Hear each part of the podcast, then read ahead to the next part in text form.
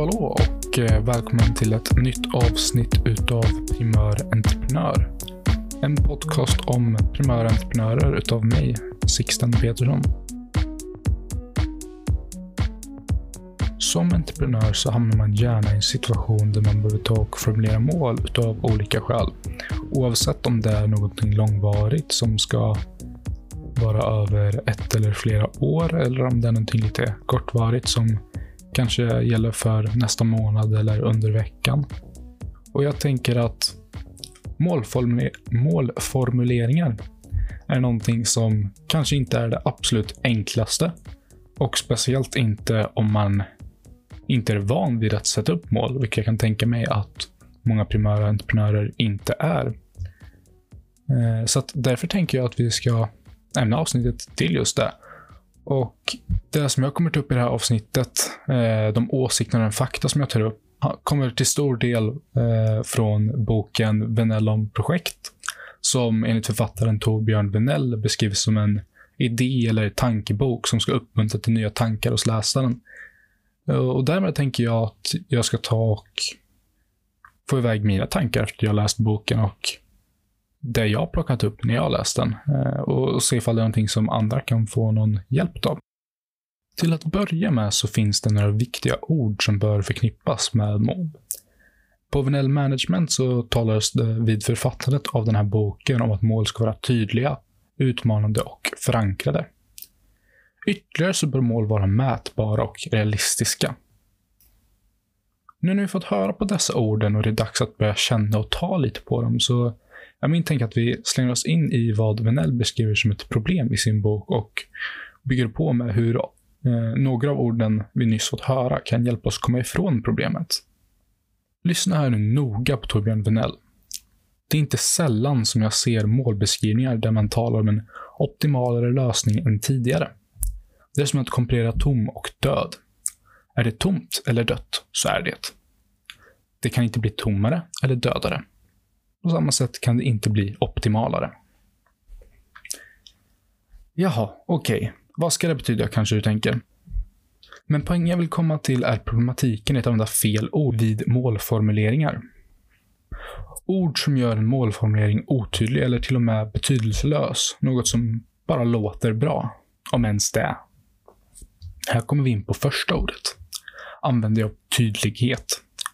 Gör du det så kan du inte, ursäkta mitt ordval, men flumma på samma sätt. Detta beror på att så snart som möjligt, så billigt som möjligt och så vidare är olämpliga målformuleringar. Jaha, och hur kommer det sig? Jo, för att när är så snart som möjligt? Är det imorgon eller om hundra år? Vad är så billigt som möjligt? Är det 400 kronor? 100 000 kronor? En miljon kronor? Eller är det två kronor? Vet vi vad det billigaste möjliga är för någonting? Kan det billigaste möjliga förändras på loppet utav två år? Har det kommit någon ny teknik som förändrar kostnaden? Genom att vara tydliga ökar vi inte bara förståelsen för vad vi vill uppnå, men vi får också tillgång till ett nytt verktyg i vår verktygslåda. Mätverktyget. En tydlig målformulering går nämligen att mäta. Vi når upp till ordet mätbarhet. När vi kan mäta så kan vi säga var vi befinner oss just nu i kampen om att uppfylla målet, hur långt vi har kommit och hur långt det är kvar. Om inte annat så kan vi åtminstone se vad vi har åstadkommit. Till exempel, mellan den första dagen i januari 2022 och sista dagen i april år 2022 ska företaget lyckas leverera produkten X till Y antal nya kunder. Här ser vi när målet nått sitt slut och förväntas vara uppnått och vi kan räkna antalet nya kunder sedan 1 april. Vi får in mätbarheten. Vi gör det enkelt för oss att se vad vi gör, det är tydligt och vi försöker inte uppnå maximalt antal nya kunder, för det säger inget. Det är lika värdelöst som att inte ha ett mål från första början, för vi vet inte vad som är maximalt. Okej, okay, så mål ska vara tydliga och gå att mäta, mätbarhet. Men det finns mer än bara detta. Vi får inte glömma att mål ska vara realistiska. Men att lägga allt för mycket energi på realism riskerar dock enligt Vinell att göra fega och timida mål. Man tar bort den nyttiga utmaningen. Det känns gärna mer realistiskt att göra någonting som man är helt säker på att man klarar av, än att pressa ut lite mer än vad man sedan innan räknat med. Här kan jag dock känna att det handlar mer om ens perspektiv. En utmaning bör vara just vad det är. En utmaning. Något man kan lära sig av. Inte en så kallad roadblock. Utmanande mål ger vägar för utveckling, både för individen, men också för hela teamet om man jobbar flera.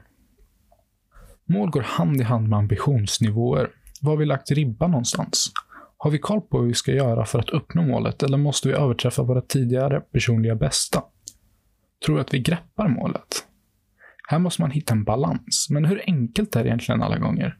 Som tur är finns det hjälp runt kruxet med alla dessa för ambitiösa mål, men som också uppmuntrar till att formulera dessa nästan överambitiösa mål.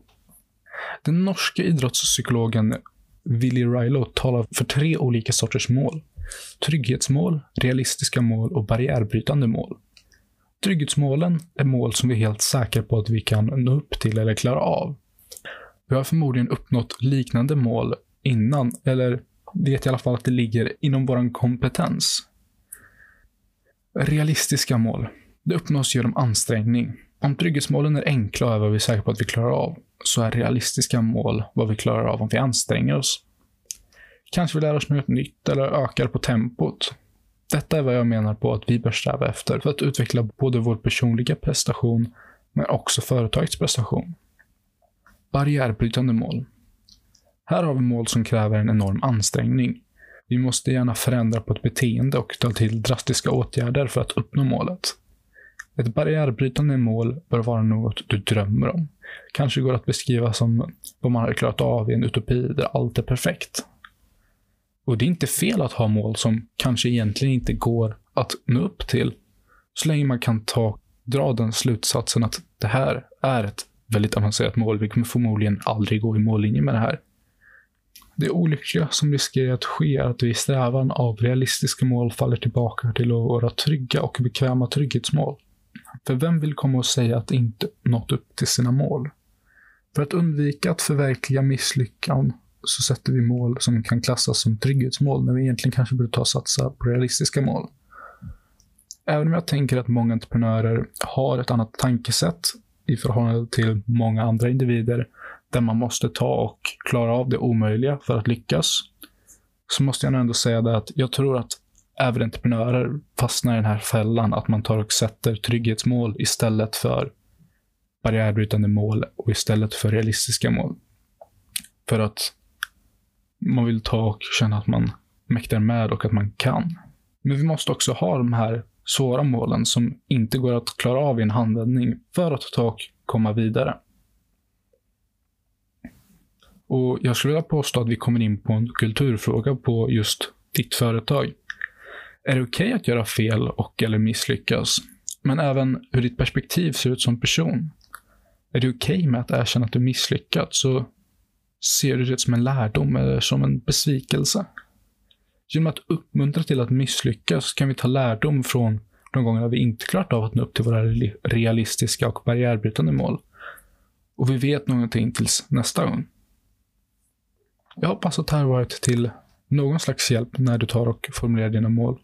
Och att du tänker på att göra mål som är realistiska, men som också är utmanande för att du ska ta och kunna utvecklas.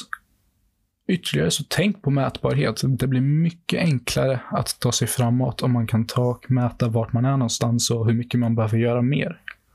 Man kan också se när framsteg stoppas och man kan se ifall någonting tar bort framsteg. Är det någonting vi gör som gör att vi kommer längre bort från våra mål? Och här kan jag tänka att man också borde tänka på att ta och göra ta och stanna upp och kolla på målet någon gång ibland om det är ett mål som är över längre tid och säga att nu går vi åt rätt riktning eller ojsan, nu går vi åt helt fel riktning. Nu måste vi ta och förändra på någonting. Absolut viktigast av allt, var tydlig. Sätt inte mål som låter bra. Sätt mål som är bra. Och sätt mål som folk förstår. Det ska inte vara en tolkningsfråga vad målet är för någonting. Det ska vara tydligt att det här är vad vi försöker åstadkomma. För att när det blir otydligt så är det svårt att jobba för någonting. Hur som helst så var det här det som jag plockade upp från boken Venellon projekt om just mål. Förhoppningsvis kan det här komma till användning för mig så var det väldigt intressant att få höra om de tre olika typerna av mål. Det vill säga trygghetsmål, realistiska mål och barriärbrytande mål. För jag brukar vara den som sätter upp ett typ av mål och så var det inget mer med det. Då vill jag uppnå det. Men genom att sätta upp de här tre typerna av mål så skulle man kunna ta och sätta upp tre olika stadier. Och kan man ta och få in det här, okej, okay, det här kanske vi behöver ta och få gjort och det vet jag att vi klarar av. Okej, okay, men om vi kan klara av det där så kanske vi borde ta och jobba på lite till för att det kan bli bättre. Och sen sätta upp ett barriärbrytande mål. Någonting som man jobbar över på lång sikt kanske. Man kan ta och komma tillbaka senare och säga att okej, okay, vi har kommit så här långt in på vårt barriärbrytande mål som är vad vi hade önskat att vi kan uppnå. Sist av allt så skulle jag bara vilja ta och understryka vikten av att det är okej okay att göra fel och att misslyckas och att inte nå upp till ett mål. Når du inte upp till ett mål första gången så kanske det är lämpligt att antingen ta och sänka förväntningarna eller så upplever man att målet är så pass viktigt så att ja, men, vi måste nå ut till så här många i vår marknadsföring för att ta och få nya kunder. Det går inte att inte nå upp till målet för att vi ska ta och gå med vinst. Och där så är ju frågan om man ska ta och försöka ta del av vad man lärt sig på färden av sitt första misslyckande och vad man kan ta hänsyn till när man sluter upp målet på nytt fast med lite andra förutsättningar. Som att man tagit vidare utav, eller fått ta del av ny information. Det här var allt för mig idag och jag tänker att vi hörs igen varannan torsdag från och med nu. Det är i alla fall mitt mål. Vi får se ifall det funkar.